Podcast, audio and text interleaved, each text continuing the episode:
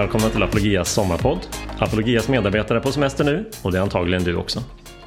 Medan du slappnar av i hängmattan, klipper gräset eller kanske tar en promenad i regnet så tänkte vi ge dig något intressant att lyssna på i form av smakprov på några av våra böcker. Den här veckan bjuder vi på ett smakprov ur Mats Selanders bok Det anstötliga evangeliet och uppläsare är förstås författaren själv. Så varsågoda, här är Mats Selander med ett smakprov ur Det anstötliga evangeliet.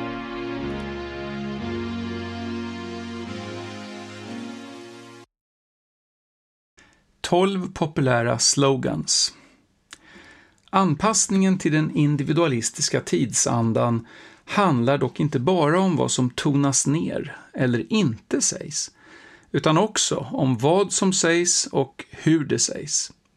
Genom samtal med vänner och efter att ha lyssnat till ett stort antal predikningar tycker jag mig ha upptäckt ett antal slogans, fraser, floskler, one-liners som ofta återkommer även i bibeltrogna församlingar och som fångar vissa bibliska sanningar men som riskerar att dölja andra. Kom som du är. Kom som du är är en fras som man kan höra i många frikyrkor. Syftet är förstås att alla ska känna sig välkomna. Man ska inte behöva känna ett krav på sig att vara präktig och perfekt innan man kommer till kyrkan. En kristen gemenskap består av förlåtna och kämpande syndare. Kom som du är blir därför på många sätt en begriplig och träffande inbjudan. Den säger också något viktigt om Guds kärlek. Vi var älskade av Gud långt innan vi vände oss till honom, medan vi ännu var syndare. Romarbrevet 5.8. Gud älskar människor som de är, eller snarare trots att de är som de är. Det handlar alltså inte om att vi ska förtjäna Guds kärlek genom att förändra oss och göra oss mer älskvärda eller acceptabla. Vi har inget annat val än att komma som vi är.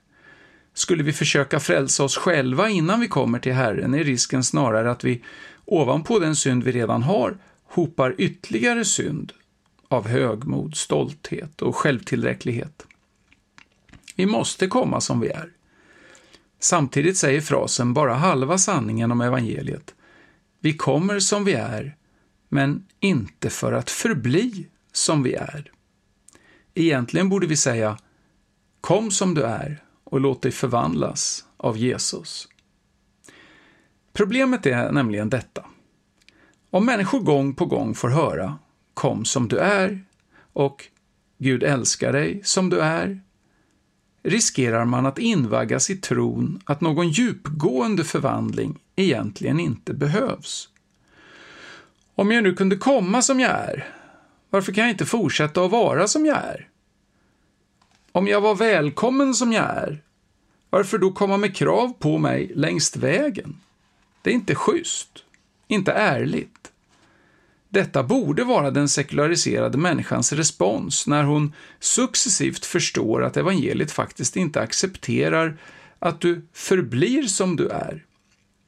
Inbjud därför gärna människor med orden ”kom som du är”, men se till att budskapet om omvändelse och Guds vilja att förvandla oss också kommer fram.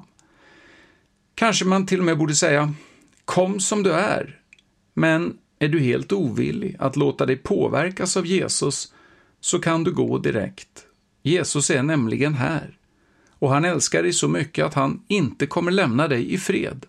Han vill befria dig från din synd och förvandla dig till den som han ursprungligen har avsett dig att vara. Vill du närma dig Jesus så stanna kvar. Vill du förbli som du är så är du fri att gå. Vi är inte här för att locka dig in i Guds rike. Vi vill ge dig en ärlig innehållsdeklaration. Jesus vill ge dig evigt liv gratis, men det kommer att kosta dig allt. Gud älskar alla villkorslöst.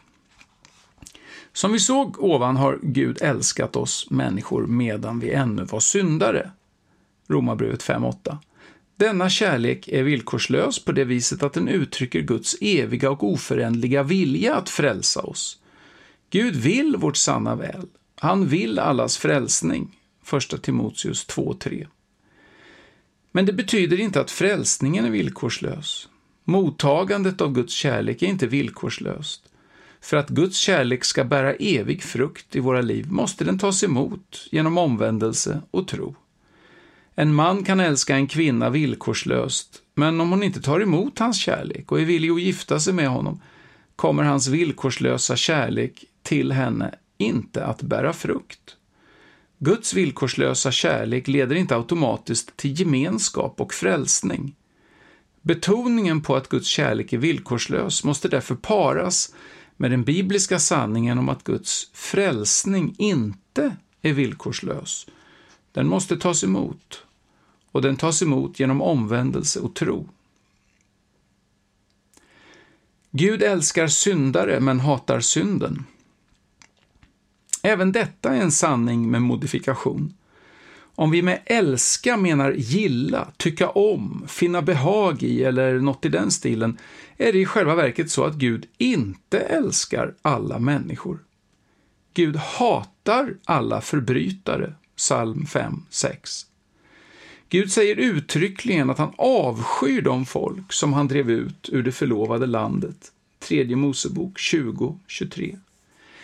Ja, var och en som gör sådant är citat avskyvärd för Herren, slutcitat. Femte Mosebok 18 och 12 och femte Mosebok 25 och 16. Även Paulus talar om vissa människor som avskyvärda. Titus 1.16. Gud älskar alltså inte syndaren om vi med älskar menar gilla eller finna behag i. Men det är sant om ordet älska betyder vilja någon väl. Gud vill varje människa väl. Han vill att den ogudaktige vänder om och får leva, Hesekiel 18.23. Men Gud hatar synden. Den som vägrar att skiljas från sin synd kommer därför att drabbas av Guds hat mot synden. Som Paul Washer skriver, citat, Gud straffar inte synden, nej, han straffar den som begår den. Det är inte synden som döms till helvetet, utan den person som begår synden. Slutcitat. Det hat som Gud har mot synden kommer alltså drabba den syndare som vägrar att skiljas från sin synd. Gud straffar inte någon abstrakt synd, han straffar den som är ansvarig för synden, alltså syndaren. Reducerar vi evangeliet till budskapet att Gud älskar syndaren men hatar synden, finns risken att vi aldrig varnar syndaren för att en dag drabbas av Guds totala avståndstagande från synden, Guds hat mot synden. Ingen får döma. Det betonas ofta att det inte är vår uppgift att döma. När det gäller den yttersta domen är detta helt sant. Men den bibliska bilden är mer nyanserad än så. I Nya testamentet används begreppet att döma på lite olika sätt i olika situationer. Vi kan urskilja åtminstone tre skilda men delvis överlappande betydelser av ordet. 1. Att mäta med olika måttstock. 2. Att bedöma utifrån ytliga kriterier. Eller att 3. Bestraffa. Den första betydelsen hittar vi i Jesu bergspredikan. Citat. Döm inte, så blir ni inte dömda. Med den dom ni dömer med skall ni dömas, och med det mått ni mäter med skall det mätas upp åt er. Varför ser du flisan i din broders öga, men märker inte bjälken i ditt eget öga? Matteus 7, 1-3. Här ligger fokus på att mäta med samma måttstock. När man inte gör det så dömer man. Att döma innebär alltså att använda en måttstock för sig själv och en annan måttstock för andra.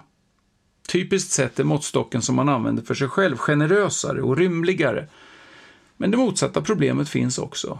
Det är ju också viktigt att älska sig själv som man älskar andra.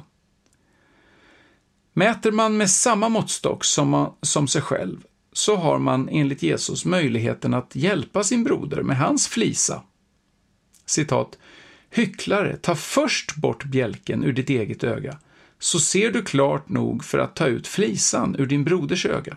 Matteus 7.5. Jesus tycks alltså inte ha några, några som helst problem med att man kritiserar sin broder, så länge det är en rättvis kritik motiverad av en god vilja. Det finns alltså en tid då man ska ta ut flisan ur sin broders öga. Har man först tagit bort bjälken ur sitt eget kan man både se klart och dessutom komma från sidan och inte uppifrån med sin förmaning. Jag har haft samma problem som du, fast ännu värre, så jag vet vad jag pratar om. Därför vill jag berätta för dig om den synd som jag satt fast i. Kanske kan det hjälpa dig att också bli fri. Den andra betydelsen av ordet döma hittar vi i en av Jesu debatter med fariseerna. Citat. Även om jag vittnar om mig själv är mitt vittnesbörd giltigt, för jag vet varifrån jag kommit och vart jag går. Ni vet inte varifrån jag kommer eller vart jag går. Ni dömer efter det yttre. Jag dömer ingen.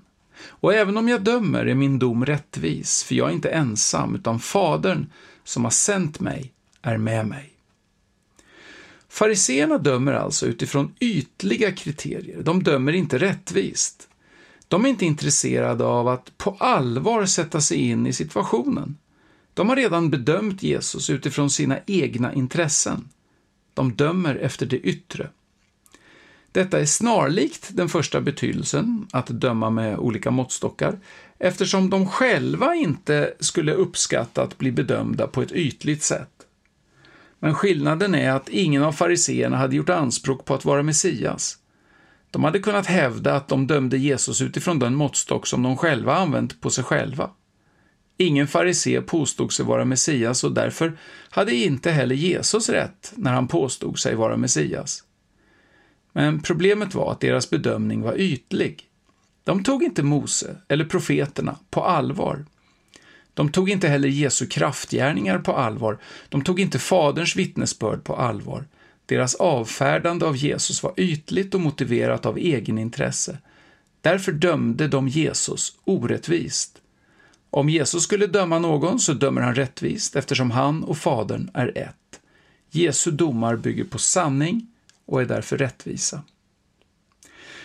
Den tredje betydelsen hittar vi hos både Jesus och Paulus. När Jesus fick frågan om man borde stena en äktenskapsbryterska som hade blivit tagen på bar gärning svarade han den anklagande hopen med orden Den av er som är utan synd kan kasta första stenen på henne. När anklagarna en efter en gått därifrån och Jesus ensam, eh, är Jesus ensam kvar med kvinnan och han frågar henne. Kvinna, var är de? Har ingen dömt dig? Hon svarade, Nej, Herre. Då sa Jesus, Inte heller jag dömer dig. Gå och synda nu inte mer. Johannes 8, 10-11. Här är det uppenbart att ordet döma betyder just straffa eller utmäta ett straff. Ingen dömde henne, alltså straffade henne, och inte heller Jesus gjorde det. Men Jesus kritiserar henne och hennes synd med orden ”gå och synda nu inte mer”. Idag har ordet döma blivit synonymt med att kritisera. Den som framför en viss typ av moralisk kritik mot en individ är dömande, vilket i sig utgör en moralisk kritik utifrån individualismen som måttstock. Jesu ord till äktenskapsbryterskan visar hur ohållbart ett sådant synsätt är. Jesus dömde henne inte när han kallade henne syndare och uppmanade henne att sluta synda. När han sa det dömde han inte utifrån olika måttstockar, han dömde inte ytligt och orättvist och inte heller straffade han henne. Men han talade sanningen till henne. Hon var en syndare som måste upphöra med sin synd. Även Paulus använder ordet döma i betydelsen straffa. I församlingen i Korint fanns det en man som levde i en incestuös relation och Paulus beskriver uttryckligen att han borde ha drivits ut ur församlingen. Första Korintierbrevet 5.2. Med Paulus ord. I mitt brev till er skrev jag att ni inte ska umgås med sexuellt omoraliska människor. Jag menade inte alla omoraliska här i världen, inte alla giriga och utsugare och avgudadyrkare, annars hade ni behövt lämna världen.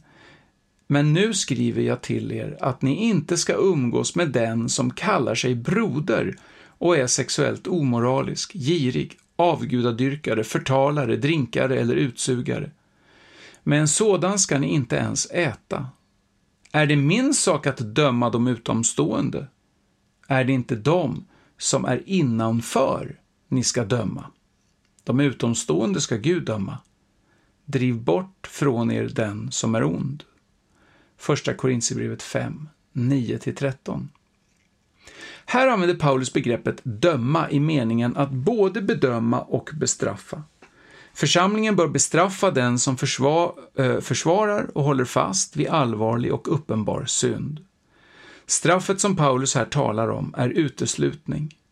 Det är ledarskapets uppgift att i vissa situationer döma i bemärkelsen att bestraffa genom uteslutning.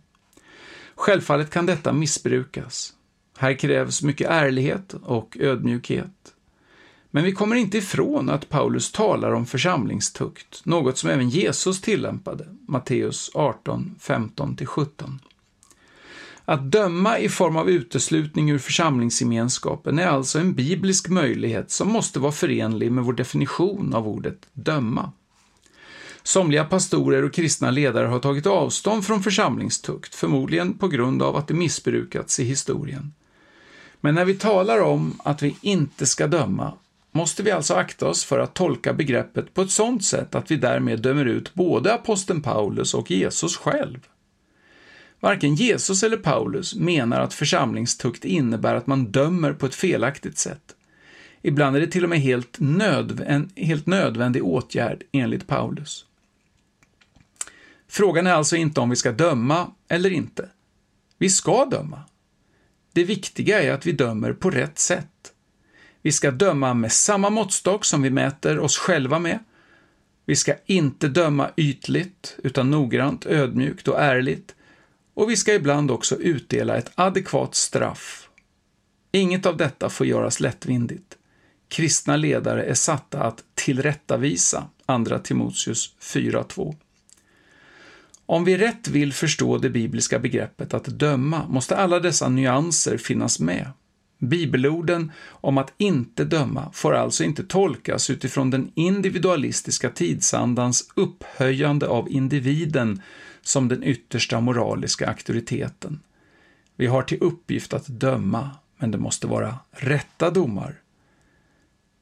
Som det står i Sakarja. Så säger Herren Sebaot, döm rätta domar och visa varandra godhet och barmhärtighet. Sakarja 7.9. Det får inte bli krav. Jag samtalade en gång med en äldste i en frikyrka. Vi talade om förkunnelse och hans motto var att det får inte bli krav. Jag frågade honom vad han menade och undrade hur han såg på tio Guds bud. Jag frågade honom, är det tio Guds krav eller tio Guds tips? Jag fick inget klart svar. För att vara rättvis måste jag säga att denna äldste hade en poäng. Om vi kommer till Gud på grund av yttre krav och press kan ju inte en genuin kärleksrelation uppstå. En andlighet som enbart bygger på krav, krav som man kanske finner oresonliga, närmast elaka, blir ytlig och upplevs som förtryckande. Här måste vi göra skillnad mellan å ena sidan orimliga, ytliga krav och å andra sidan krav som i själva verket utgör villkor för hur verkligheten fungerar. Om Gud inte kan förvandla gott till ont eller ont till gott, och om Gud har skapat människan med en genuin frihet och ett verkligt ansvar, då ligger det i sakens natur att människan kan hamna i evig konflikt med Gud själv. Bibelns förkunnelse om omvändelse och evig dom kan förvisso uppfattas som ett oresonligt krav eller till och med som ett fruktansvärt hot. Men det kan också beskrivas som följden av en rad verklighetsförankrade villkor. Här måste förkunnelsen förklara varför de bibliska villkoren ser ut som de gör. Ytterst sett vilar dessa villkor på den bibliska verklighetsbeskrivningen. Grunden för den beskrivningen är Gud själv. En biblisk gudsbild hjälper oss därför att förstå mycket av den övriga undervisningen. Det får inte bli lagiskt. Denna slogan är i mångt och mycket densamma som att det inte får bli krav, men här finns ytterligare några aspekter som har samband med Mose lag.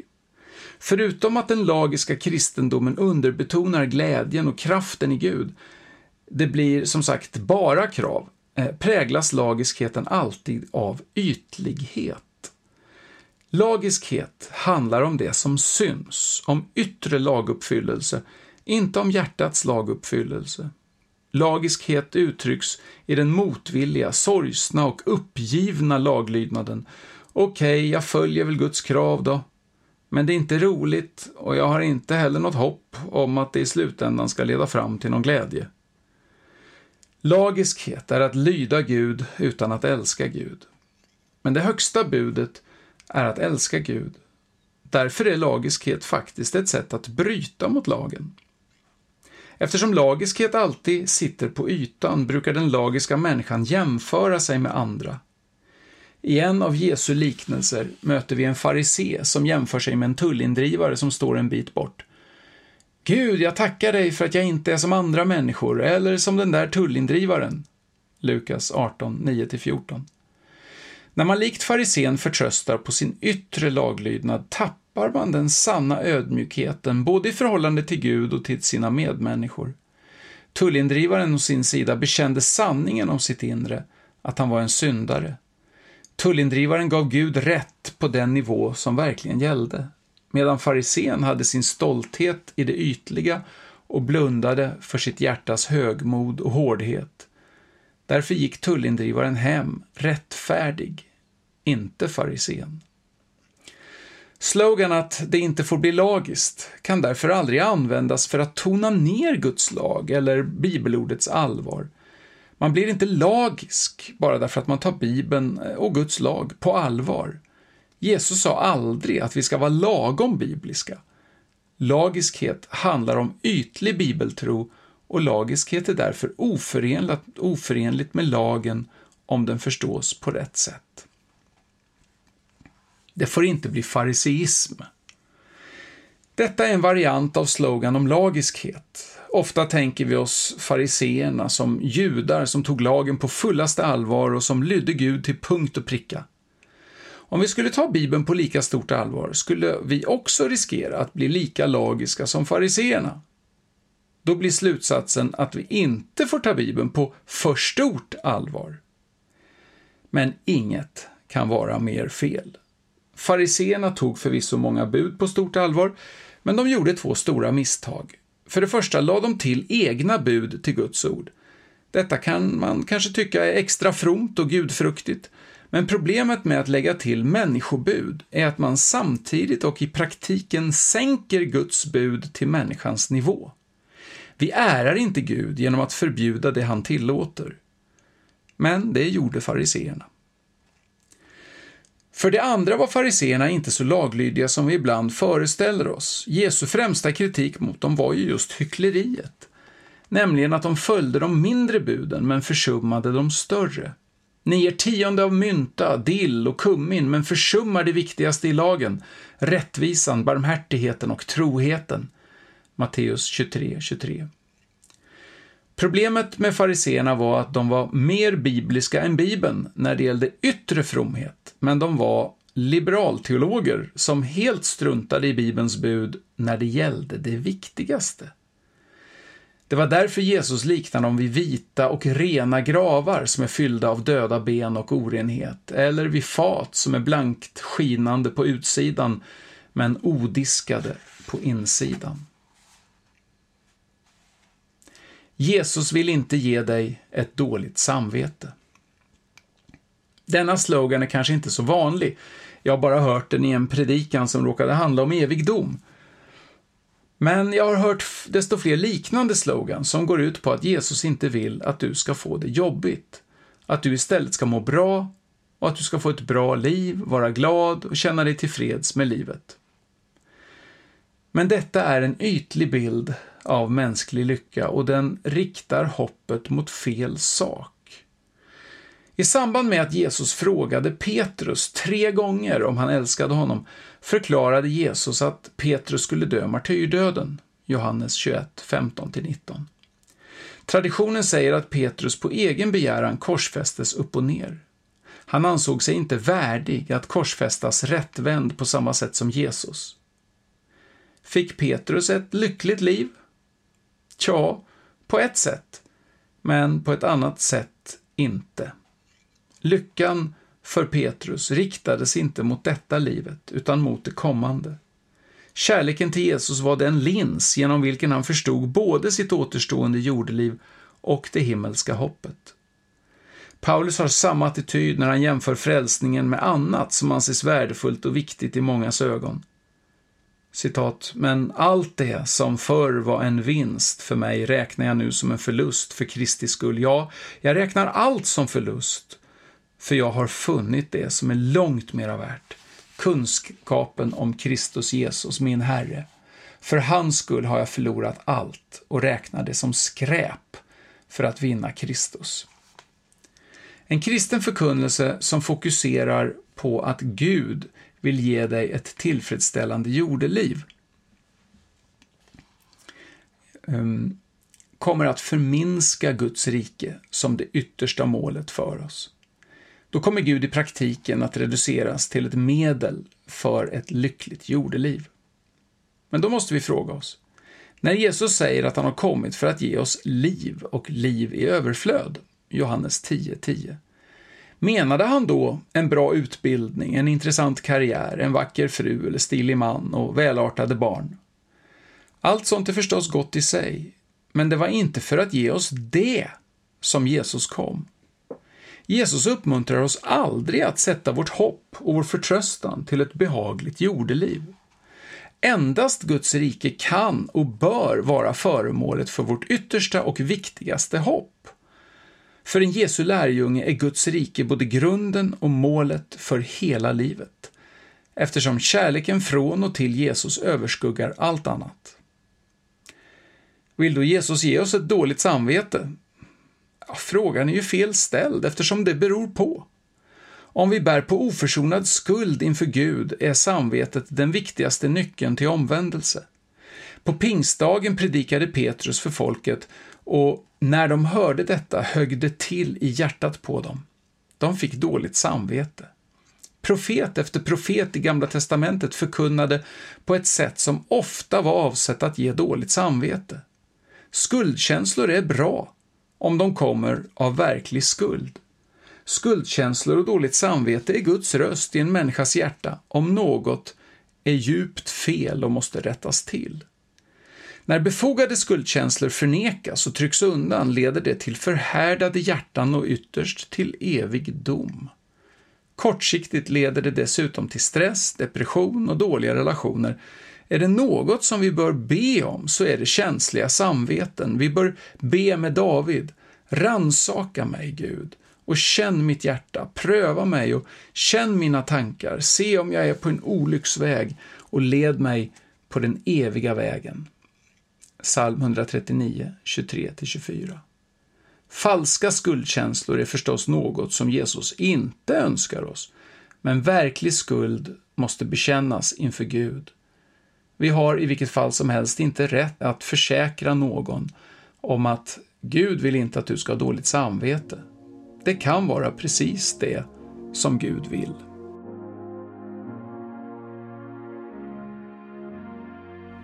Tack för att du lyssnade på Sommarpodden. Om du vill läsa resten av boken du just har lyssnat på, ge bort den till någon som borde läsa den eller bara ställa den i hyllan för syns skull, så hittar du den och alla våra andra böcker till ett bra pris på apologiaforlag.se. Apologiapodden är tillbaka med vanliga avsnitt i augusti. Ha en fortsatt skön sommar.